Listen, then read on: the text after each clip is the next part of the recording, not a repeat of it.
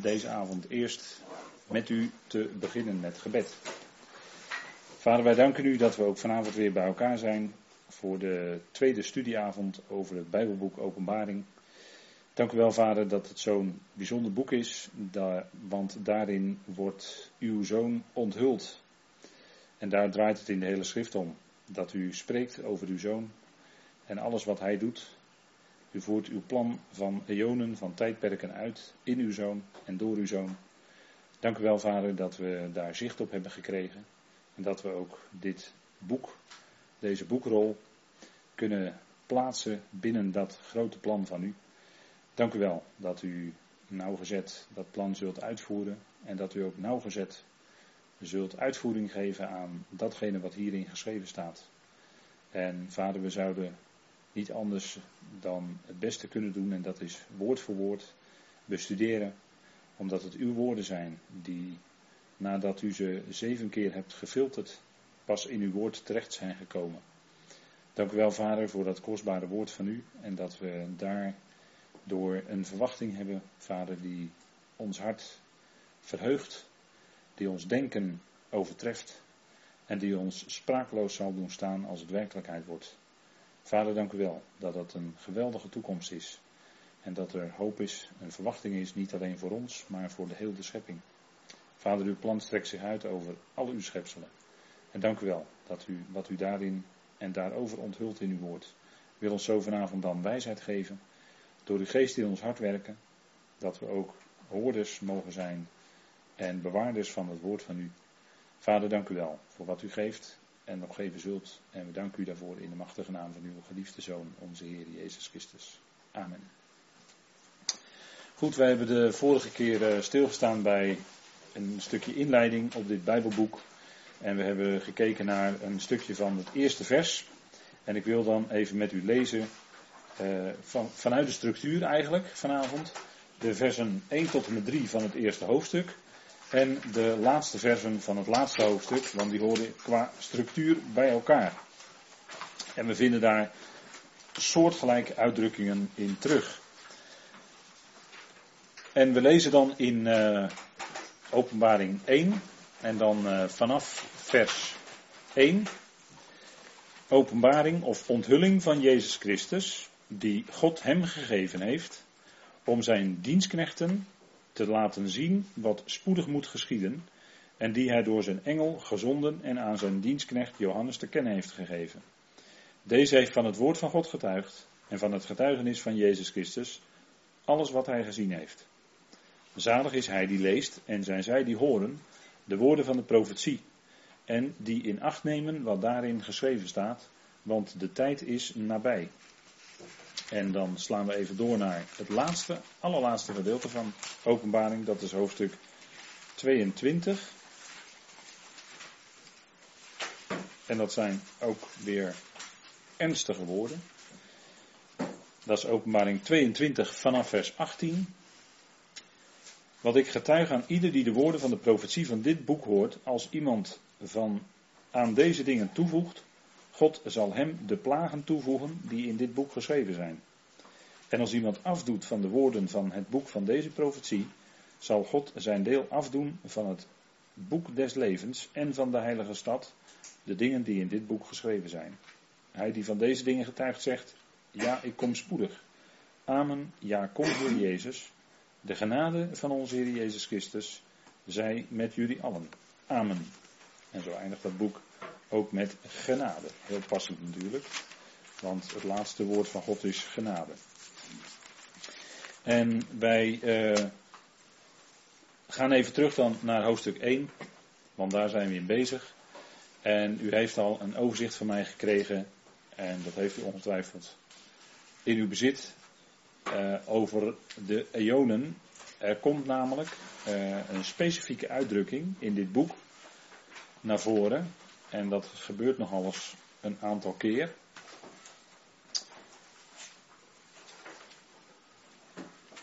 Zo'n dertien keer komt de uitdrukking die u hier ziet staan, ook op deze dia naar voren. De eonen van de eonen. En dan hebben we het dus eigenlijk over de laatste twee eonen. En God heeft een plan van eonen. Dat staat in Efeziërs 3, vers 10 en 11. Daar wordt gesproken. Dat is de enige tekst in de hele Bijbel waarover het plan of het voornemen. Hè, er staat eigenlijk prothesin in het Grieks. Dat wil zeggen dat wat God voor zich geplaatst heeft. Hè, prothesin. Uh, het voornemen van de eonen. Die uitdrukking vinden we alleen in Efeze 3. Dus die werd alleen aan Paulus geopenbaard. En het voornemen van de eonen, daarover kun je dan in de schrift vijf eonen onderscheiden, dus vijf tijdperken. En de uitdrukking, de specifieke uitdrukking die in het boek Openbaring uh, dertien keer voorkomt, en ook nog wel in andere vormen komt het begrip aion of eon naar voren hoor in het boek Openbaring, dat even terzijde.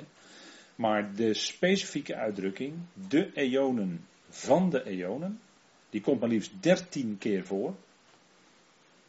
En ik raad u aan om deze teksten nauwgezet na te gaan en te vergelijken in uw vertaling. En dan zult u een schokkende ontdekking doen dat het hopeloos is wegvertaald. Echt hopeloos. En als u invult in uw Bijbel, of als u even voor uzelf daar markeert, dat op al die teksten waar dit staat, de eonen van de eonen, in plaats van bijvoorbeeld in alle eeuwigheden of in de eeuwigheden van de eeuwigheden, of hoe dat dan ook allemaal maar vertaald is. Dat is verder niet zo eh, boeiend, dat moet u maar eens nalopen. En dan gaat het specifiek om de laatste twee tijdperken, de laatste twee tijdperken van Gods plan van eonen. En die laatste twee tijdperken zijn de tijdperken waarin om het zo maar te zeggen, het goede of God of Christus overheerst. In tegenstelling tot de eerste drie eonen waarin het kwaad en de tegenwerker een grote rol speelt. Dat is het grote contrast tussen de eerste drie eonen en de laatste twee. En de laatste twee eonen, dat onderscheiden wij als de duizend jaren, die wij gewoon normaal letterlijk nemen als duizend jaren. Letterlijk duizend jaren, dus niks symboliek. Want ook bij het boek Openbaring, wat best wel moeilijk is qua stijlfiguren, symboliek en dergelijke, is er één fundamenteel principe. Ook geldt dat in het boek Openbaring. Dat wat je letterlijk kan nemen, moet je ook letterlijk nemen. Dat lijkt een intrappen van een open deur. Maar het is ongelooflijk belangrijk. Anders kom je, ga je verdwalen in beelden en kom je er niet meer uit. Als het mogelijk is, neem het letterlijk. En daar waar het uitgelegd wordt, volg de uitleg die God zelf geeft, nauwgezet. En zo kom je dan ook bij de letterlijke betekenis. Ik, ik zal u één voorbeeld geven. Dat is de zeven kandelaren. Daar gaan we dan in een van de volgende keren wel aan beginnen. De zeven kandelaren, dat zijn zeven gemeentes. Die zeven kandelaren, de kandelaar is dan het symbool. Het letterlijke is de gemeente of de gemeenten. Dus je hebt zeven kandelaren. En die kandelaren die staan voor zeven gemeentes. Die zeven gemeentes zijn letterlijk. En de kandelaar is het symbool. Of de figuur, de stijlfiguur het beeld wat wordt gebruikt. En zo wordt er ook gesproken over, ze, uh, over uh, twaalf sterren op een gegeven moment. Nou, daar komen we vanavond nog op. En dat is natuurlijk ook een symbolische aanduiding van iets anders. En daar moet je ongelooflijk mee opletten in het boek Openbaring. Maar het wordt uitgelegd. En soms zelfs is er een dubbel beeld. Dus wordt er een dubbele uitleg aangegeven. Dan wordt er iets als beeld, als symbool genoemd. En dat betekent dan iets, en dan staat erbij dat het ook nog iets anders betekent. Dat is een dubbelbeeld. Dat moet je ook heel goed in de gaten houden. Hè? Dat is de symboliek. Maar dan moet je wel, dat, waar het voor staat, moet je letterlijk nemen. Ja, dus er wordt bijvoorbeeld gesproken ook over een beest, of twee beesten zelfs. Nou, dat zijn niet letterlijke beesten, maar het woord beest is dan een symbooltaal voor datgene waar het voor staat. Maar goed, dat is openbaring 13, daar zijn we voorlopig nog niet. Goed, we gaan even terug naar deze dia. Het gaat hier om twee eonen. Het gaat om de duizend jaren, want daarom zei ik dit. De duizend jaren die worden zo'n zes, zeven keer genoemd in openbaring 20. En de vraag is altijd, waarom zou je dat niet letterlijk nemen? Theologen die maken dan er iets anders van. die zeggen dat het staat als symboliek voor het godsrijk en allemaal met allemaal gezwollen taal. Hè, en dan zetten ze ook nog vaak een toontje erbij op in hun stem. Maar goed, wij, zijn, wij kijken gewoon heel nuchter naar wat er echt staat. Er staat gewoon duizend jaar, dus het is gewoon letterlijk duizend jaar. Je moet gewoon letterlijk nemen als het kan. Nou, waarom niet, hè? Nou, dat is één van die twee eonen. En de laatste is dan de tijd van de nieuwe hemel en de nieuwe aarde. Of de nieuwe aarde kan ik beter bijna zeggen, want de nieuwe hemel wordt niet zoveel over gezegd. De nieuwe aarde en de nieuwe hemel in openbaring 21 en 22, dat is de laatste eon, dus dat is het laatste tijdperk. Dat zijn de eonen van de eonen. Je kan ook zeggen, het zijn de laatste twee die de vrucht zijn of voortkomen uit die eerste drie eonen. En we vinden bijvoorbeeld die uitdrukking in 1 vers 6, we zitten toch in hoofdstuk 1. En dan zien we al dat het hier vertaald is, althans in de herziende statenvertaling, met, het, met de uitdrukking in alle eeuwigheid. Maar als je één eeuwigheid hebt, dat is al volgens de filosofische gedachte zonder begin en zonder einde, waarom moet je dan nog zeggen in alle eeuwigheid? Dat is eigenlijk onzin, als je erover nadenkt. Hè? In alle eeuwigheid. De vertalers wisten dus eigenlijk niet goed wat ze met die uitdrukking aan moesten, omdat ze Gods plan van de Eonen niet kennen. En daarom vertalen ze het op allerlei manieren. Maar het betekent niet in alle eeuwigheid. In het Grieks staat gewoon in de Ionen van de Ionen. En iedere docent Grieks zal dat moeten erkennen, want dat staat er gewoon. Dus gewoon geen twijfel mogelijk. En voor degene die eh, de samensteller van de concordante vertaling onderschatten, dat was broeder Nog. Ik zou hem niet onderschatten, want broeder Nog gaf zelf les in Grieks. Hè? Dus ik zou hem niet onderschatten. Ik denk dat hij heel wat beter Grieks kende dan menig docent. Dus die concordante vertaling, eh, kijk broeder nog, was echt door God geleid om dit allemaal zo te doen hoor. En die ging heel wat dieper op het Grieks in dan menige docent en menig theoloog. Laat ik u dat wel vertellen. Dus als u de concordante vertaling wil corrigeren, dan verzeker ik u dat u van zeer, zeer, zeer goede huizen moet komen. Deze uitdrukking, dit staat er, dit is de eonen van de eonen. Dit staat letterlijk zo in het Grieks. Dit is dan Nederlandse woorden, maar zo staat het letterlijk in het Grieks.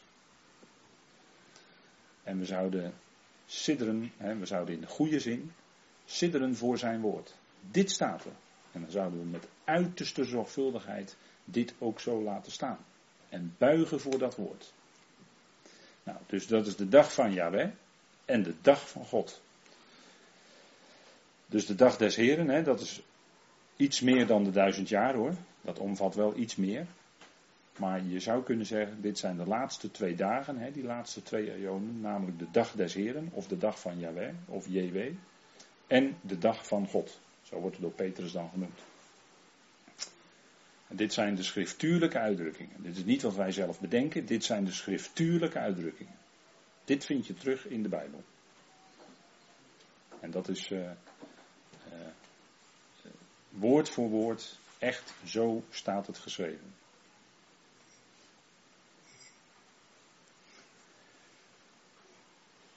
Dus dat gaat over de onder andere een van de tijdsaanduidingen in de onthulling van Jezus Christus. We zullen ook nog wel andere dingen tegenkomen qua tijdsaanduiding, die voor het volk Israël met name heel erg belangrijk zijn. Dan zie, hebben we dus gelezen vanuit de structuur hè, daarnet. Dat is de structuur van het, het boek Openbaring. Dan zien we dus de introductie die dan tegenover de afsluiting staat. En we vinden daar ongeveer dezelfde dingen in terug de snelle onthulling van Jezus Christus. En dat geeft zegen voor de luisteraar, de lezer en de vasthouder. En vloek op degene die aan, de boekrol, die aan deze boekrol toe of afdoet. En het wijst ook op de snelle komst. Dus als hij gaat komen, gaat het ineens heel snel. En mensen die hebben soms een hele vreemde redenering. Als het gaat om de terugkeer van Jezus Christus, vind ik altijd heel vreemd. Die zeggen ja, maar dat heeft nu al zo lang geduurd. Het kan best ook nog wel honderden jaren duren. Dat is een hele vreemde redenering. Weet u waarom? Als je al zegt het heeft al zo lang geduurd, dan zeg je eigenlijk het is nu wel heel dichtbij gekomen. Het heeft al zo lang geduurd, dus is het nu heel dichtbij. dan moet je niet omdraaien en dan zeggen, ja, het kan nog wel honderd jaar duren.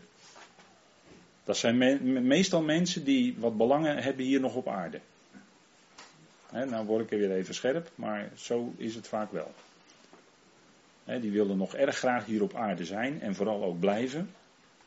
Die willen ook door de grote verdrukking heen bijvoorbeeld. Ja, ik weet niet waarom, want de schrift zegt iets anders. Maar goed. Het is de snelle komst, dus als hij komt, en dat zal ook met de bazuin God zijn, zal het razendsnel gaan. En de ontwikkelingen in deze tijd, die gaan ook heel snel. Iemand zei ook tegen mij, ja, maar ze zijn nu al zo lang aan het onderhandelen. Ze zullen best nog wel 15 jaar aan het onderhandelen blijven. Dat vind ik een kortzichtige redenering. Waarom? Omdat binnen een half jaar tijd, weten wij al, kan er ongelooflijk veel veranderen in deze wereld. Binnen een half jaar tijd. En dan vergissen we ons ook dat er vaak achter gesloten deuren meer onderhandeld wordt dan daarvoor. Dus kunnen ze ineens met een overeenkomst op tafel komen. En dat gebeurt ook. Dus kortzichtig hoor, als je dat zegt. Het kan hem wel 15 jaar duren. Dat weet je helemaal niet. He? De heer Jezus zei ook eens iets in die trant tegen de fariseeën en schriftgeleerden. Maar goed. We gaan gauw verder. Om zijn dienstknechten, zijn slaven te tonen. En deze tekst hebben we vorige keer al eh, wat nader bekeken. En te betekenen wat spoedig. En we hebben gezien dat het betekent snel. Hè? Het is niet spoedig, maar snel. Als het gebeurt, wat in de openbaring staat, als dat gaat gebeuren, gaat het ineens heel snel. Dat is het woord. Hè? Dus hetzelfde woord als met Petrus en Johannes werd gebruikt toen zij naar het graf gingen. En toen ging, uh, even denken, toen ging Petrus, of een van de twee ging sneller dan de ander. En de ander ging dan weer het eerst het graf in. Nou goed, daar hebben we het wel eens ooit over gehad, hè, wat dat allemaal betekent. Want dat staat natuurlijk niet voor niks zomaar zo, hè, op die manier. Maar goed, als het gaat gebeuren, gaat het dus snel. Hè? Tagu staat er dan in het Grieks. Van het woord tageos. Tagu, dat betekent snel. En het zijn dingen die moeten. Grieks staat er dan dei, dat is een hele sterke uitdrukking. Het zijn dingen die moeten gebeuren. Dus wat in de openbaring staat, zal moeten gebeuren. Daar kun je niet aan ontkomen.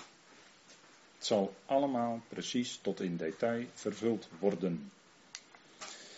En betekenen, dat woord betekenen, daar hebben we de vorige keer nog niet naar gekeken, maar dat, ehm, dat woord betekenen, daar zit het woord ook in het Nederlands, het woord teken in. En ook in het Grieks. De Heer Jezus deed bij gelegenheid tekenen, die ook vaak wonderen werden genoemd, en die betekenden dat het koninkrijk der hemelen aanstaande was, zou gaan aanbreken. Dat had de profetie ook voorzegd. Nou, dat, dat woord betekenen, dat uh, zien we ook dat de Heer zijn dood betekende. Dat wil zeggen, hij duidde zijn dood aan. Hè, hij sprak daarover. In Johannes 12, vers 33 en 18, vers 32 kun je dat uh, terugvinden. dus dat de Heer dat specifiek aanduidt. En ook van Petrus, bijvoorbeeld iets later in Johannes 21, vers 19. Hij voorzegde de dood van Petrus. hij duidde aan met welke dood Petrus God verheerlijken zou. Hoort u wat ik zeg? Met welke dood hij God verheerlijken zou. De dood van Petrus, daarmee verheerlijkte hij God. Moet je maar eens over nadenken. Hoe, wat, wat dat dan betekent. Festus, die betekende of duidde de misdaden van Paulus aan Caesar. Hij stuurde Paulus als gevangene naar Caesar. En hij stuurde daarbij ook een toelichting van hem wordt dit en dat en dat aangevreven. dat is een betekening van wat dan Paulus, waarvoor Paulus aangeklaagd werd. Was ten onrechte uiteraard, maar goed, hij werd ervoor aangeklaagd en kwam voor de keizer. Dus daarom zien we dat woord ook terugkomen in Handelingen 25, vers 27. Dus even voor u om een idee te hebben wat het woord kan betekenen. Dit heeft natuurlijk ook wel een betekenis, dit kaartje op deze dia. Het Midden-Oosten, en uh, we zien daar natuurlijk uh, wat op dit moment nogal in belangstelling staat. En daar is natuurlijk onze interesse ook door uh, vanuit het boek Openbaring, hè, door het boek Openbaring, het Midden-Oosten. En dan weten we natuurlijk dat het in Egypte op dit moment erg onrustig is. En ook in Syrië met name. Syrië is natuurlijk het brandpunt van de belangstelling. En als u oplet in de wereld wat er gezegd wordt, dan moet u ook opletten door wie iets gezegd wordt. En dan zou u al zo ongeveer anderhalf jaar lang weten dat hoe dan ook, wat er ook gebeurt, Assad moet weg. Dat werd toen al gezegd, anderhalf jaar geleden ongeveer, als ik het goed zeg, door vooraanstaande figuren in de wereld. Die hoog in de boom zitten, om het zo maar te zeggen. Daar moet je op letten. Als die iets zeggen, en die hebben toen gezegd dat het tijd was voor een verandering van regime in Syrië. En sindsdien weet je dan dat Assad weg moet. En die moet dus ook gewoon weg. En we zien nu de politiek zich samenballen. Nu iets, iets langzamer gaat het dan voorheen. Maar de politiek gaat zich samenballen om Assad inderdaad weg te krijgen. En hoe dat spel gespeeld wordt, daar, daar, dat voert veel te ver om dat nu diep op in te gaan. Maar die moet weg. En dat is natuurlijk een belangrijk gegeven. Ehm, want u kunt ervan overtuigd zijn dat vanuit Daniel 10 er niet alleen een vorst is van Perzië, van Iran, maar er zal ongetwijfeld ook een vorst zijn van Syrië. En dan bedoel ik dus de geestelijke vorsten. Dus in die hemelse contraien, wat wij dus niet kunnen zien, daar is ook een conflict gaande. En die uh, vorst van Syrië zal dus nu op een of andere manier in het geestelijke bereik moeten buigen, waardoor Assad dus weg moet. En u, begrijpt waar ik het over heb. Hè? Vanuit Daniel 10 hebben we dat gezien. Dat is dus een geestelijke zaak, maar die zal later dus in de wereld uitgekristalliseerd worden. want als dat met hoog in de boom bedoel ik dus, het is achter de schermen besloten door mensen die in nauwe verbinding staan met de tegenstander. En uh, die hebben besloten dat het moet gaan gebeuren. En dus gaat het gebeuren. Maar dan moet je wat weten van achtergronden en wie belangrijk zijn in deze wereld, wie belangrijke spelers zijn. En dan kun je er gewoon in feite op wachten. En zo was het ook met Iran. Hè. Er was steeds is er retoriek met Iran dat er een oorlog zou komen met Iran. Maar als je dan weet dat er ergens eigenlijk vastgelegd is dat Iran nooit zal aanvallen, dan is er wel heel veel retoriek geweest in de afgelopen jaren. Maar dan kon je jaren geleden al weten dat Iran nooit zou gaan aanvallen. Hebben ze ook niet gedaan. Dus dat zijn allemaal van die dingen die spelen. Hè. Dat zijn, uh, ja, ergens zou je kunnen zeggen, zijn spelletjes die gespeeld worden. Maar zo werkt dat dus in de politiek. En het draait natuurlijk allemaal om Israël. Hè. Syrië is natuurlijk erg dicht bij Israël, aangrenzend zelfs. En uh, dat heeft natuurlijk een duidelijke betekenis hoe dit eindtijdscenario zich gaat afspelen. En kennelijk moet een dictator dus verdreven worden nu. Die moet weg. En dat zal alle redenen hebben. Dus in ieder geval, wij kijken ernaar en we bidden voor het volk Israël uiteraard. Want het is Gods oogappel, dat blijft het altijd. Ook al zijn ze nu in ongeloof. Maar nochtans uh, heeft God met hen natuurlijk geweldige bedoelingen uiteindelijk. En daarom draait het allemaal om dat lotdeel daar in dat Midden-Oosten. En net zoals Israël een conflict heeft om hun lotdeel, zo hebben wij ook een conflict over ons lotdeel boven, te midden van de hemelingen. Dat is precies hetzelfde verhaal in feite. En daarom is de hele wapenrusting van God dagelijks aangewezen voor ons. Goed, wij gaan eh, verder met het boek Openbaring. De tekenen, er komen diverse tekenen voor in het boek Onthulling van Jezus Christus. En dan zien wij, want het woord teken, dat is een specifiek woord. Een teken wil iets zeggen natuurlijk. Hè. Dat geeft een betekenis. Dat als iets gebeurt of als iets gezien wordt, dan is het een teken van iets belangrijks. Nou, in openbaring 12 lezen wij bijvoorbeeld over de vrouw met de zon bekleed. En dan gaat het over de maan en over sterren. En dan ziet Johannes dus een teken in de hemel. En laten we dat even met elkaar opzoeken. Dat lopen we eigenlijk al vooruit op openbaring 12. En er wordt er gezegd, zelfs gezegd dat het een groot teken in de hemel is.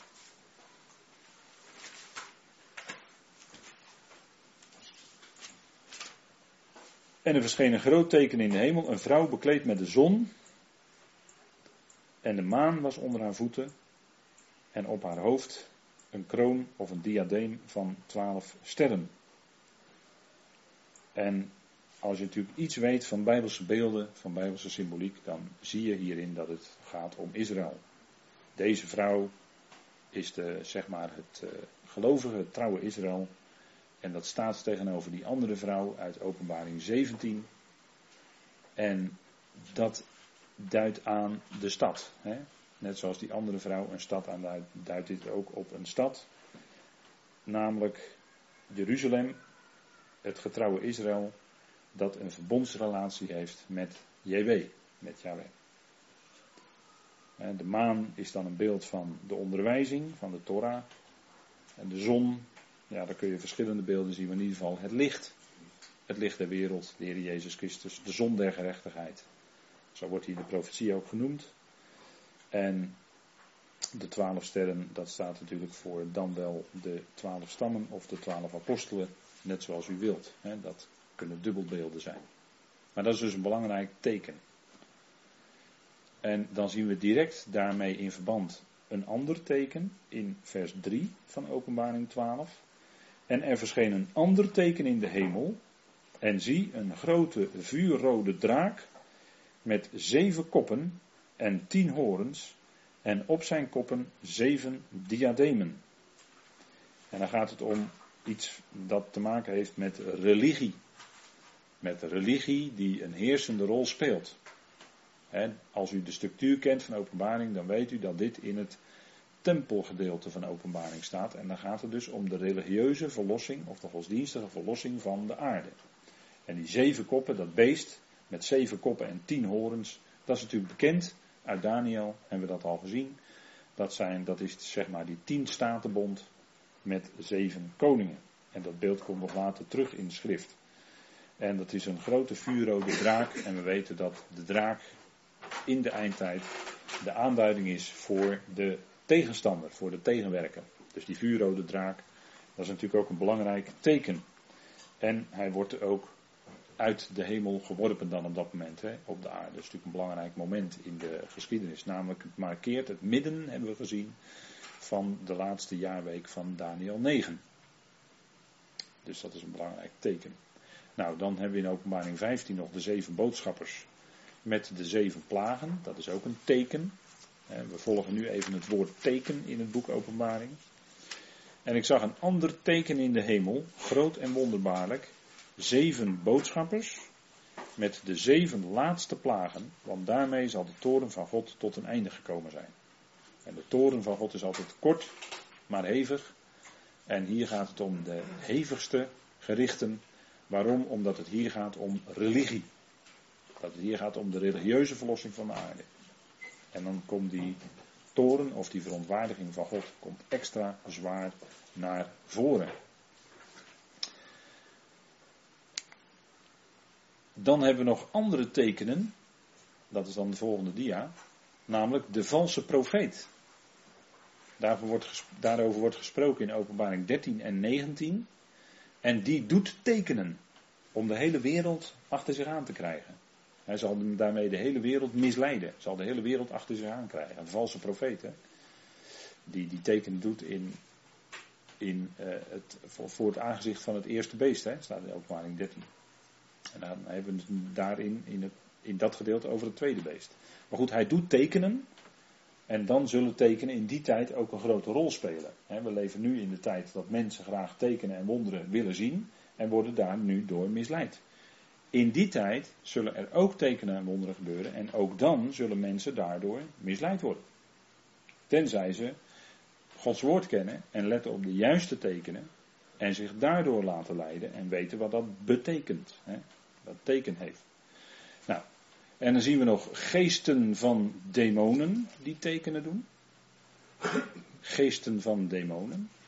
En ik weet niet of u weet wat demonen zijn.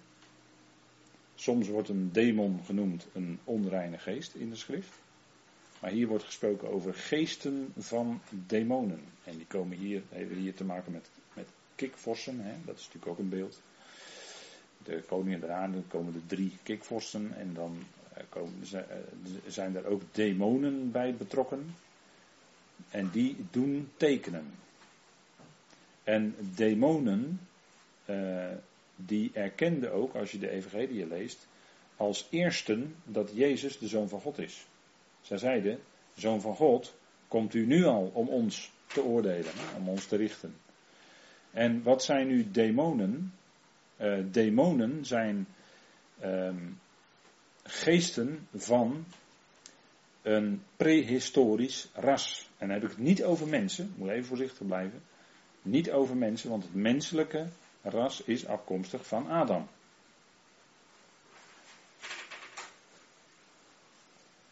Maar het woord demon was in die tijd in de Griekse wereld heel erg bekend. En men wist daarvan, of men meende daarvan te weten, maar dat, zou, dat is heel goed mogelijk, dat er een prehistorisch, op een of andere manier, ras van schepselen is geweest. En dan heb ik het over de eerste aion. Eerste aion. Die toen geleefd hebben, want we hebben gezien dat daar wat mee gebeurd is. Hè. Daar is iets gebeurd in die geestelijke wereld, in de eerste aion. De tegenstander hè, werd geschapen enzovoort. En toen is er heel veel gebeurd en daarop is het gericht van God gekomen. En die demonen, daar lijkt het heel sterk op dat die daar vandaan komen, uit die eerste aion. En sindsdien zoeken die demonen, dat zijn dus geesten, die zoeken een, laat ik het maar zeggen, een lichaam om in te wonen. Kijk, demonen kunnen in voorwerpen gaan zitten. Demonen zoeken ook om bezit te nemen van mensen. Mensen kunnen bezeten zijn van demonen en zelfs meerdere demonen. Hè. Denk aan Legio, hè. die zei Legio en de Heer wierp ze uit. En die demonen gingen vervolgens in die 2000 zwijnen en die stortten zich in de zee. Dus die demonen die zoeken een plaats, die zoeken een lichaam om in te verblijven. En demonen kunnen dus ook voorwerpen. U zou bijvoorbeeld daarbij kunnen denken aan een samurai zwaard. Daar kan een demon zich aan hechten of in gaan zetten, net wat u wilt. Of in een houten beeld wat iemand in zijn kamer heeft staan, daar kan ook een demon in gaan zitten. Kan. Of, uh, ja, andere, een kris kan ook soms, zo'n zo'n kromzwaard, zo'n Indonesisch kromzwaard. Kan. Ik zeg niet altijd, maar kan.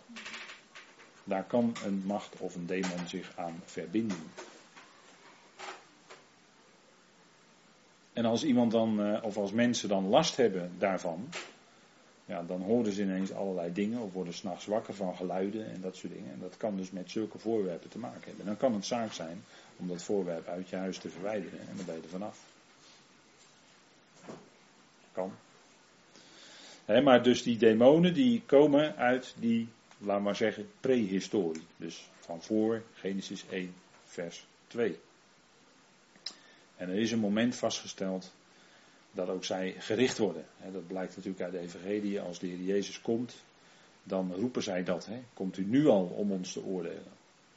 En in Petrus en Judas staan ook aanwijzingen. En er wordt gesproken over dat ze in duisternis vastgehouden worden. Dat soort zaken. Dus uh, geesten van demonen die zijn in staat tekenen te doen. En uh, demonen kunnen zich namelijk, dat is het misleidende, hè, demonen kunnen zich ook heel vroom voordoen. En we hebben vandaag aan de dag heel veel manifestaties binnen de geestelijke wereld. En dan heb ik het dus over uh, zaken als vallen in de geest. Vallen in de geest, hè. Slain in the spirit, hè, noemen ze dat in het Engels. Of uh, mensen die in tongen kunnen spreken. Dat wil helemaal niet zeggen dat dat van de Heilige Geest is hoor. Als mensen in tongen spreken, dan spreken ze vreemde talen. Maar die vreemde talen, die kunnen zij dan spreken.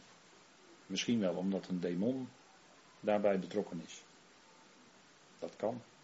Dat is ook wel aangetoond hoor. Dus niet zomaar dat ik het zeg, maar dat is aangetoond. Dat het ook zo werkt. Dus het wil helemaal niet zeggen dat spreken in tongen van God is. Waarom niet? Nou, God bedoelt het niet in deze tijd. God bedoelt het nu niet. Is een van de tekenen voor Israël. Let op, voor het ongelovige Israël is het een van de tekenen waardoor zij kunnen weten dat het koninkrijk eraan zit te komen.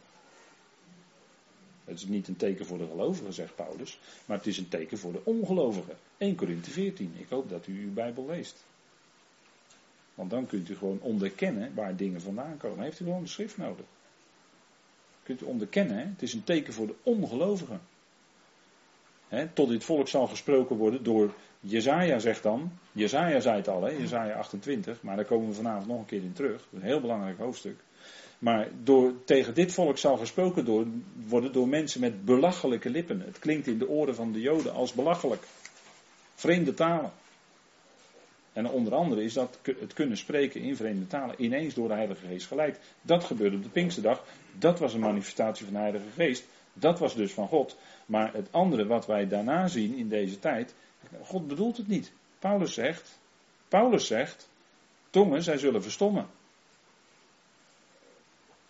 1 Korinthe 13. En waarom volgen we Paulus dan niet? Dan word je dus bewaard voor allerlei akelige dingen. We zullen nu niet te diep ingaan op allerlei opwekkingen die er geweest zijn in de loop van de tijd. We zullen maar niet te diep op ingaan, liever niet. Want er waren allerlei excessen. Het begon vaak in de kiem goed, maar er kwamen al heel snel allerlei excessen. En dat was door invasies van machten. Dat is allemaal, u kunt het allemaal nalezen in het boek hoor. Dat is allemaal opgetekend. Maar geesten van demonen. En demonen hebben dat zien we ook bij Paulus. Het woord demon heeft ook te maken met onderwijs geven. die leren iets. En leringen, er zijn allerlei leringen van demonen. En die hebben een hele grote invloed in de mensheid. Heel groot. Ik heb u de laatste paar van genoemd. Dat zijn leringen van demonen. En die kun je alleen maar onderkennen door de schrift. Die kun je alleen maar aantonen door de schrift. Door de schriften te volgen blijf je in het goede vaarwater, om het zo maar te zeggen. En ga, word je niet meegevoerd door allerlei vreemde leringen en allerlei wind van leer. Goed, dan gaan we even terug naar waar we mee bezig zijn. Dat is de aanwezigheid van de zoon des mensen zal snel zijn. Hè? Hebben vanavond al weer even gezegd. Want ook Matthäus zegt dat. Want gelijk de bliksem komt van het oosten en ligt tot het westen. Hij komt dus uit het oosten. Zo zal de aanwezigheid van de zoon van Adam zijn. Hè? De Ben Ha-Adam. De zoon des mensen is het altijd in de vertaling dan. Hè? Maar des mensen is enkelvoud. Hè? Het is een genitief, een vervoeging. En, wat oude, een vervoeging die wij tegenwoordig niet meer gebruiken. Eigenlijk moet je, wij zouden nu zeggen, de zoon van de mens. Maar in de vertalingen staat altijd zoon des mensen. Maar dit is gewoon de zoon van Adam. Met een hoofdletter, hè. Dus de Heer Jezus Christus is dat. De aanwezigheid van de zoon des mensen. Zal dus, hij zal er dus ineens zijn, heel snel. Als die komt, gaat het ineens heel snel. Net zo snel als een bliksemschicht. En dat is snel hoor. Dat is snel. En hij komt ook vanuit het oosten. Hè? De zoon zal komen uit het oosten. Hij zal zijn voeten zetten op de Olijfberg. En de Olijfberg, als u daar geweest bent, weet u dat helemaal 100% zeker, ligt ten oosten van Jeruzalem. Dus je moet over de Olijfberg gaan om Jeruzalem binnen te gaan. Dan kom je dus uit het oosten. Want dat is altijd de beweging in de schrift, vanuit het oosten naar het westen. En dat is ook van rechts naar links, zoals Hebreeuws geschreven wordt. die dingen hebben allemaal met elkaar te maken hoor. En zo snel zal dus de komst, of de aanwezigheid eigenlijk, dat is een beter woord, de parousia gaat er dan om, van de zoon van Adam zijn. He, Matthäus 24. En daar gaat natuurlijk dat hele Bijbelboek Openbaring om. Hij wordt onthuld, hè? de Heer Jezus Christus. Het draait in de schrift altijd om Hem. En daarom zou het in prediking en Bijbelstudie ook altijd om Hem gaan. Wij prediken niet onszelf. Wij prediken Christus Jezus als Heer, zegt Paulus. Die moet centraal staan in de prediking. Nou, we gaan snel door, want we zijn bezig met het woord snel. Wat spoedig. Hè, dan denken ze altijd mensen het is spoedig. Nee, want dan krijg je die historische scholen die zeggen dan ja, het hele boek Openbaring is al gebeurd. is onzin hoor, is gewoon onzin. Boek Openbaring is gewoon nog toekomst. Kan je ook makkelijk aantonen. Maar wat spoedig moet geschieden. Dus als het gaat gebeuren, gaat het snel. En het gericht van God, als dat gaat komen, dan moet het ook komen. Maar als het gaat gebeuren, gaat het ook snel. En weet u wat nou zo bijzonder is, wat in de schrift over de gerichten van God staat? Dat het Gods vreemde werk is. Uitoefenen van gericht is als het ware vreemd aan God. Het is zijn vreemde werk. En ik zal u laten zien waar dat staat. In Jesaja 28, daar waren we er net al even. En dat was natuurlijk geen toeval. Jezaja 28.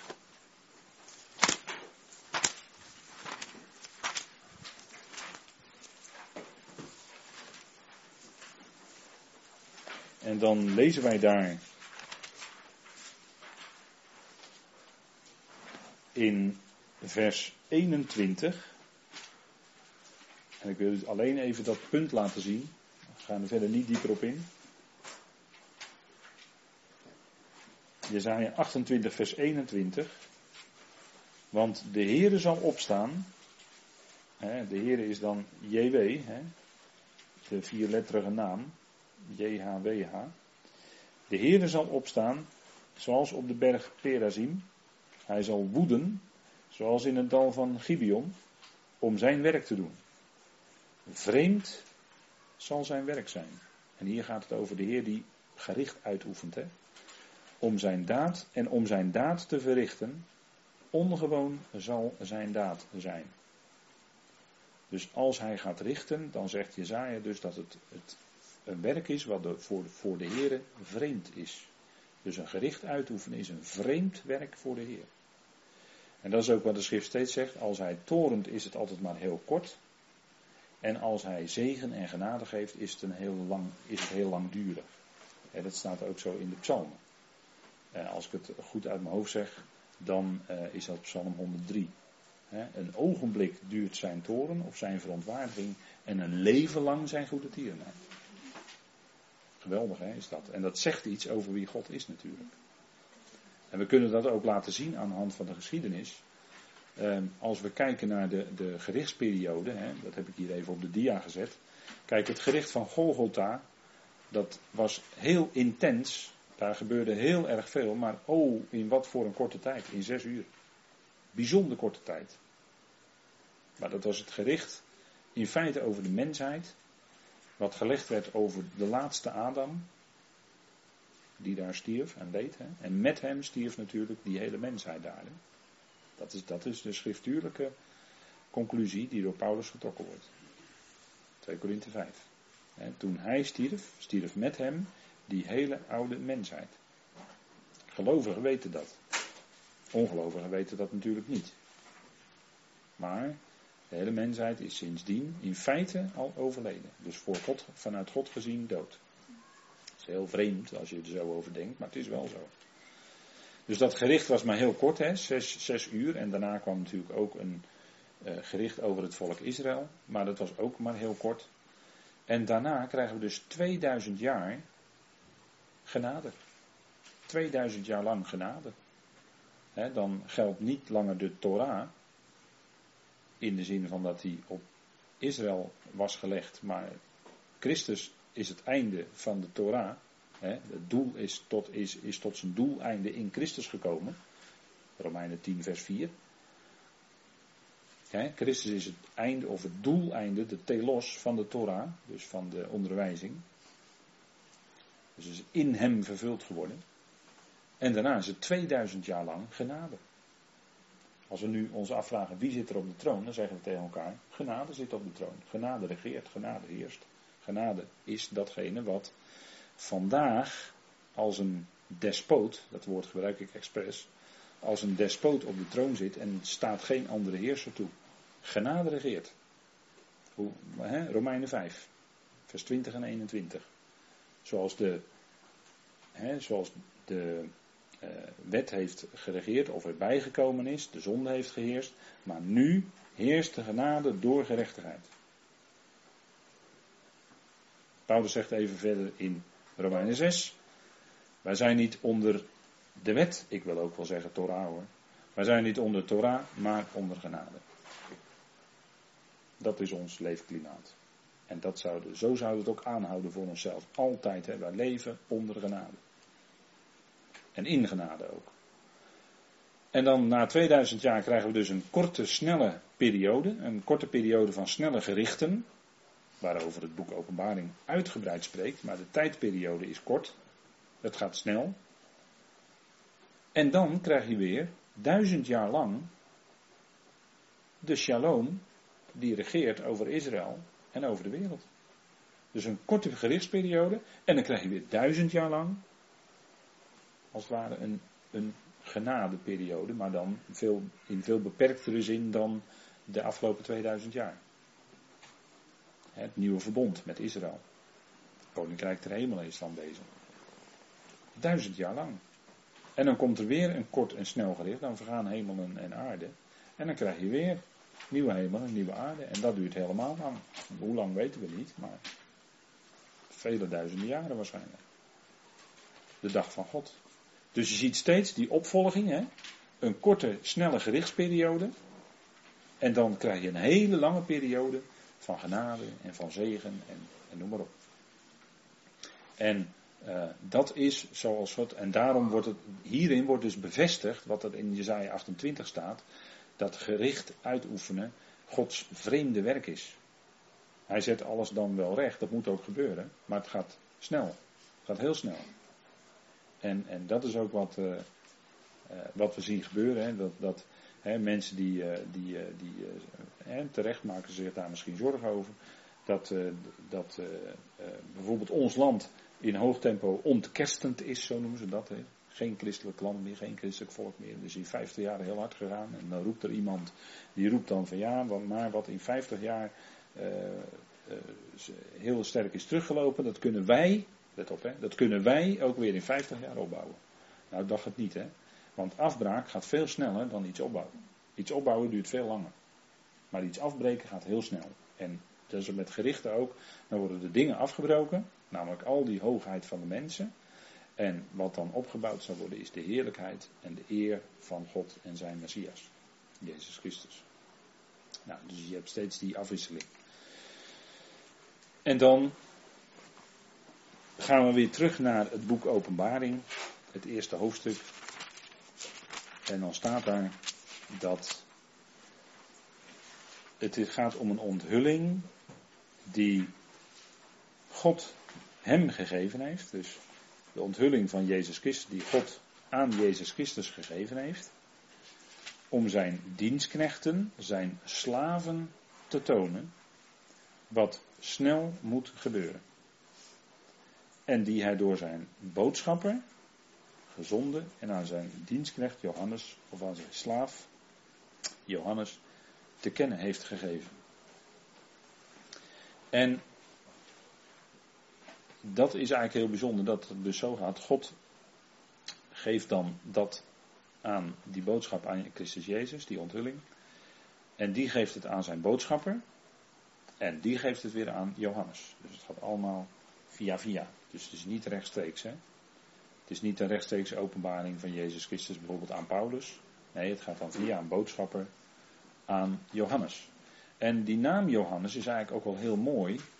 Want die betekent vanuit het Hebreeuws, Jochanan is het dan. Dat betekent ja of Yahweh zal genadig zijn. daar zit het woord gen in, Jochanan. Er zit gen uit het Hebreeuws in, dat betekent genade.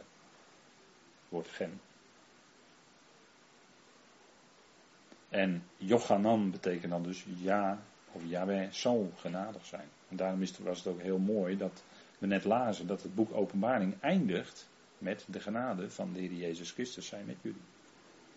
Zo grijpen die dingen dan weer in elkaar. Hè? Dan zie je ook waar het uit, wat na het gericht komt, hè? dan blijkt het toch weer genade. Gericht moet er zijn, maar dan is er ook genade. En dat is wat voor ons al gebeurd is op Golgotha. Het gericht is geweest en daarom kunnen wij leven in genade. Het, de veroordeling is geweest op de zoon. En daarom is er geen veroordeling voor hen die in Christus Jezus zijn. En dat is natuurlijk wat, wat geweldig is. Hè? Dus na het gericht komt er genade die overstroomt. Hè? Genade die in optima forma regeert vandaag de dag. En dat is uh, de naam Johannes. Hè? Dat zou u altijd moeten bedenken als u de naam Johannes hoort. Dan kunt u daarbij altijd denken, Yahweh of JW zal genadig zijn. Een geweldige naam.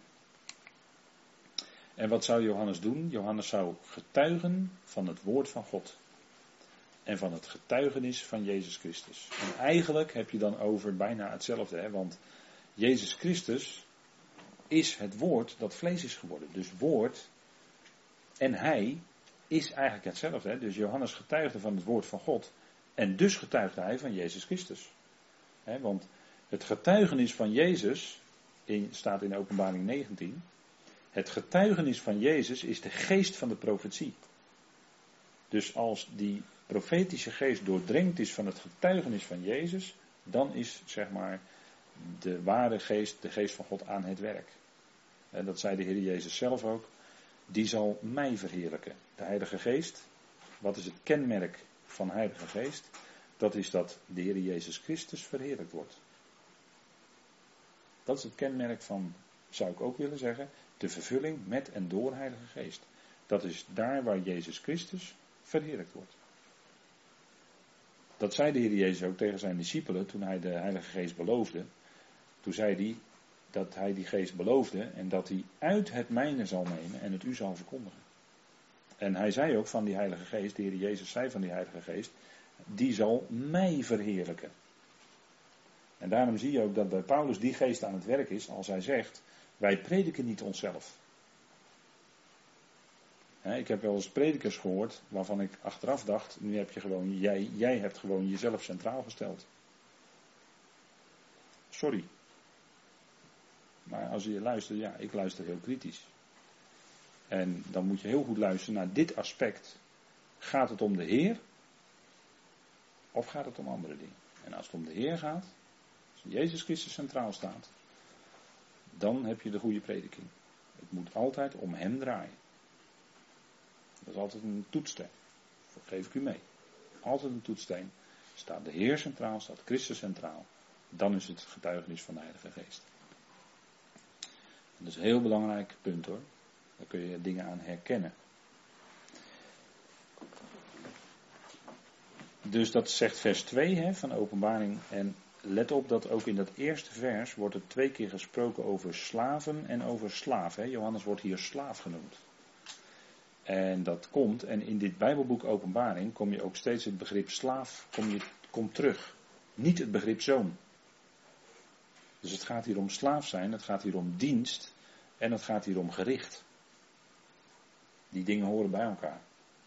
En zoon wil zeggen dat je ook autoriteit kan uitoefenen, maar een slaaf kan dat niet. En dat kompas, die autoriteit kompas, als de gerichten voorbij zijn en Israël ook in hun bediening zal komen, dan zullen ze ook hun autoriteit gaan uitoefenen als koning en priesters. Als de zonen van de Allerhoogste God. Maar gedurende die gerichten heeft Johannes dus het karakter van slaaf. En wordt het ook aan de slaven getoond, hè, de dienstknechten. Ik denk dat dat ook een eh, punt is om even voor u om mee te nemen. En er staat dan dus in vers 2, deze heeft van het woord van God getuigd en van het getuigenis van Jezus Christus. Alles wat hij heeft gezien, staat er dan misschien ook in uw vertaling, in mijn vertaling wel, maar eigenlijk staat daar het woord waarnemen. Het was niet alleen het zien van visioenen wat Johannes deed, maar hij hoorde ook. Hè. Waarnemen omvat namelijk meer dan alleen zien met je ogen. Waarnemen gaat ook om oren. En eventueel om je hart. Met je hart kun je ook waarnemen. Het is wel een gevleugeld gezegde dat het hart ziet wat het oog mist. Als je met je hart op een gegeven moment ergens bij betrokken bent, dan zie je soms andere dingen die mens, andere mensen niet zien. En het is zo dat, eh, dus dat woord waarnemen in vers 2, eh, dat is dus meer dan alleen zien. Johannes kreeg hele bijzondere visioenen te zien, maar hij hoorde ook de stem. Dat zullen we verder in het hoofdstuk gaan zien. Als hij dan de stem hoort, of toen hij de stem zag, dat is natuurlijk een beeldspraak, toen hij de stem zag die met hem sprak, ja, toen viel hij gelijk als dood aan zijn voeten, want het was de Heer zelf. Dus hij zou getuigen, hè, martyrion, hè, martyreo. Hij zou getuigen van het woord van God, van de logos, uitdrukking van een gedachte. De woorden van God zijn Gods gedachten die hij uitgedrukt heeft in woorden. Daarom is hij ook God, want God is God als hij spreekt. Een sprekende God, dat is per definitie God. De afgoden zijn namelijk stomme afgoden stomme afgoden. Dat zijn demonen ook. We hadden het net over demonen, hè, maar dat zijn stomme afgoden. Daar worden de heidenen door gedreven. De goyim. Die werden door de stomme afgoden. Maar de schrift, daar horen we een God die spreekt. En wat is nou het kenmerk van de ware Godheid? Dat is het kenmerk van de ware God. Dat hij dingen voorzegt die ook zo uitkomen.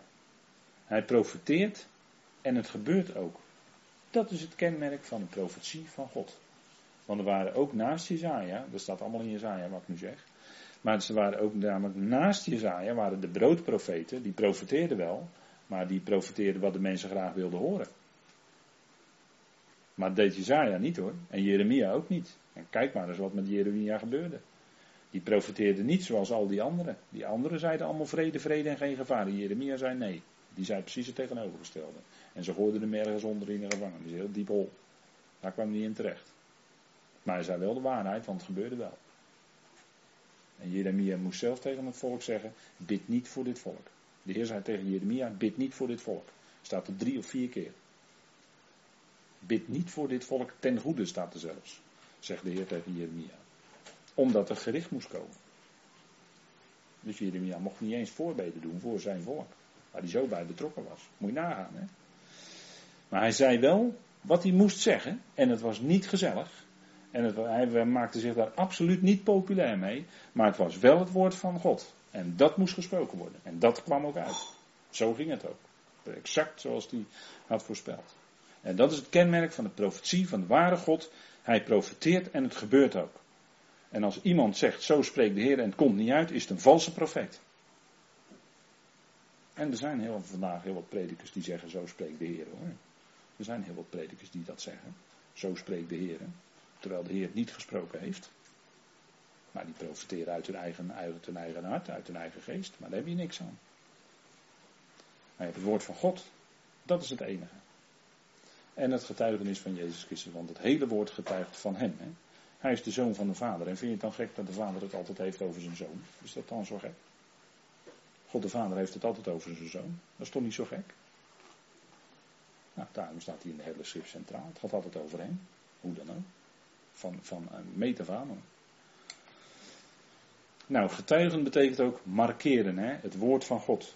En dat zou voor ons ook een soort lijfspreuk kunnen zijn. Nabij u is het woord in uw mond en in uw hart. Dat is namelijk het woord van het geloof wat wij spreken. Nabij u is het woord in uw mond en in uw hart. Want in Efeze wordt gezegd, wordt vervuld met de Heilige Geest. En in de paralleltekst in Colossense wordt gezegd, het woord van Christus wonen rijkelijk in u. Dus als je vol bent van de Heilige Geest, dan ben je vol van het woord van Christus. Die dingen, die matchen elkaar. Op een hele goede manier. En, en dat zijn de dingen die gewoon bij elkaar horen. Nou, dan, ja, goed. Denk, dat weet u wel uit de brieven van Paulus. Maar het is wel goed om dat heel even te zeggen. Goed, wij gaan even een uh, moment uh, pauzeren.